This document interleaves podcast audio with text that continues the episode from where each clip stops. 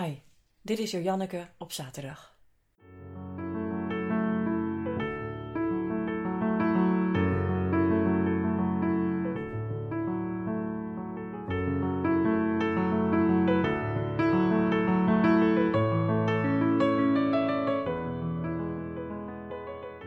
De gewelddadige bestorming van het Amerikaanse kapitool door zogenaamde patriotten, opgehitst door de eigen nog net zittende president, nog nooit is er zoveel verdeeldheid geweest en stonden zoveel mensen zo extreem tegenover elkaar.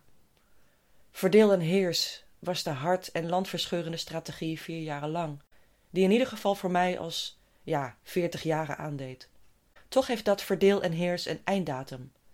Soms door een einddatum van een ambtstermijn, soms doordat een despoot valt, een oorlog verliest en zichzelf in een grimmige bunker van het leven beneemt, zoals in 1945 en soms door een afrekening van een volgende koning, zoals toen het Britse Richard III dood en naakt achterop een paard als overwinningstriomf werd rondgereden in 1485. Despoten zijn van alle tijden. Maar is het dan alleen maar mogelijk een gruwelijke situatie te laten stoppen door overwinning van een vijand? Of de einde van een termijn? Er is denk ik nog iets anders, iets zachters. Het is in tijden van extreem geweld en polarisatie niet zo hip maar af en toe straalt er wat door de scheuren in de bunkers van de harde ja en nee's door. Ik heb het over morele principes, die over de band van alles gaan, partij overstijgend zijn. Ze winnen niet altijd, maar het zijn wel de zaadjes van waaruit heling kan ontstaan en kan doorgroeien. De vraag is dan of dat zaadje in vruchtbare aarde mag groeien, of in de modder van een slagveld zijn kansen moet gaan zien. We kennen denk ik allemaal wel dat beeld op stokfoto-websites van dat bloempje dat in zijn eentje stoer staat te groeien tussen de groeven van tegels door, tegen alle kansen in, against all odds. Een beeld van veerkracht. Het kan groeien omdat de meest basic randvoorwaarden voor voorbestaan er zijn. Net genoeg aarde, net genoeg ruimte voor wortels om te groeien, net genoeg zuurstof, zon en regen. En de mazzel van de voetstappen die net een andere tegel kozen, onbewust of uit vrije wil.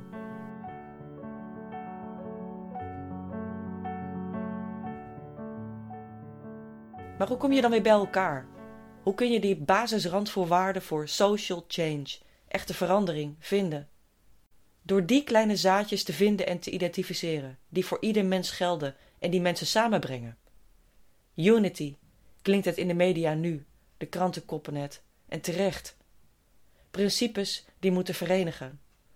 Waar republikeinen en democraten nu tegenover elkaar staan, is het zaadje unity tegen een gemeenschappelijke vijand, sedition, opruiing. Als je als meerderheid kunt zien, erkennen en omarmen dat dat de grootste vijand van iedereen is, omdat dat een land splijt, dan kan dat ook het zaadje zijn. Het tegenovergestelde van opruiing.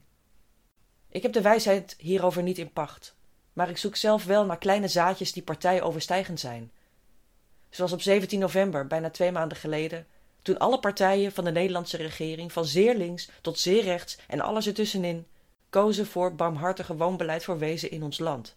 Omdat dat zo'n zaadje is. Zo'n moreel principe. Zo'n principe waar je niet aan hebt te zagen. Omdat er dan een commissie komt die daar iets aan gaat doen. Omdat iedereen vindt dat je wezen niet zomaar de straat opschopt. Maar waarom heeft dat harde beleid van weeskinderen het huis uitschoppen dan wortel kunnen schieten? Ik denk dat dat meerdere oorzaken had.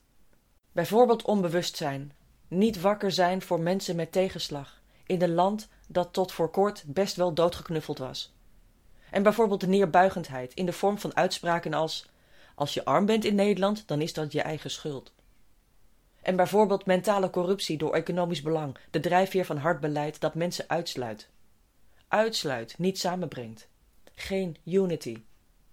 Tegenover deze drie oorzaken onbewustzijn, neerbuigendheid en mentale corruptie en hard beleid door economisch belang, staan deze drie dingen: bewustzijn, respect en morele waarden en opbouwend beleid voor inclusie en verenigdheid. Drie zaadjes die het kiemen waard zijn. Voor weeskinderen lijkt er wat vruchtbare grond te zijn. Het zaadje is ontkiemd in landelijke en hier en daar gemeentelijke politiek. Godzijdank. Nu wordt het zaak om het toch wel echt wortel te laten schieten in praktische zin en Weeswijzer doet haar best. Ik denk dat het uiteindelijk mogelijk is, door geloof dat het kan, en hoop dat het gebeurt, en liefde voor iedereen die het mede mogelijk maakt, waar je ook van bent. En even terug naar het Amerikaanse kapitool. Net als iedereen die in diepe verbijstering en horror keek naar de vreselijke beelden.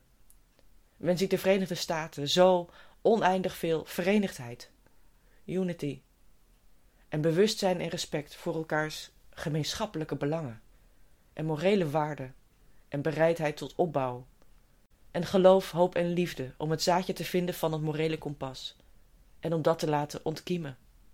En mazzel, mazzel van voetstappen die niet vertrappen, maar samen oplopen. Misschien ben ik een hippie wat dit aangaat. Dat is dan maar zo. Fijn weekend.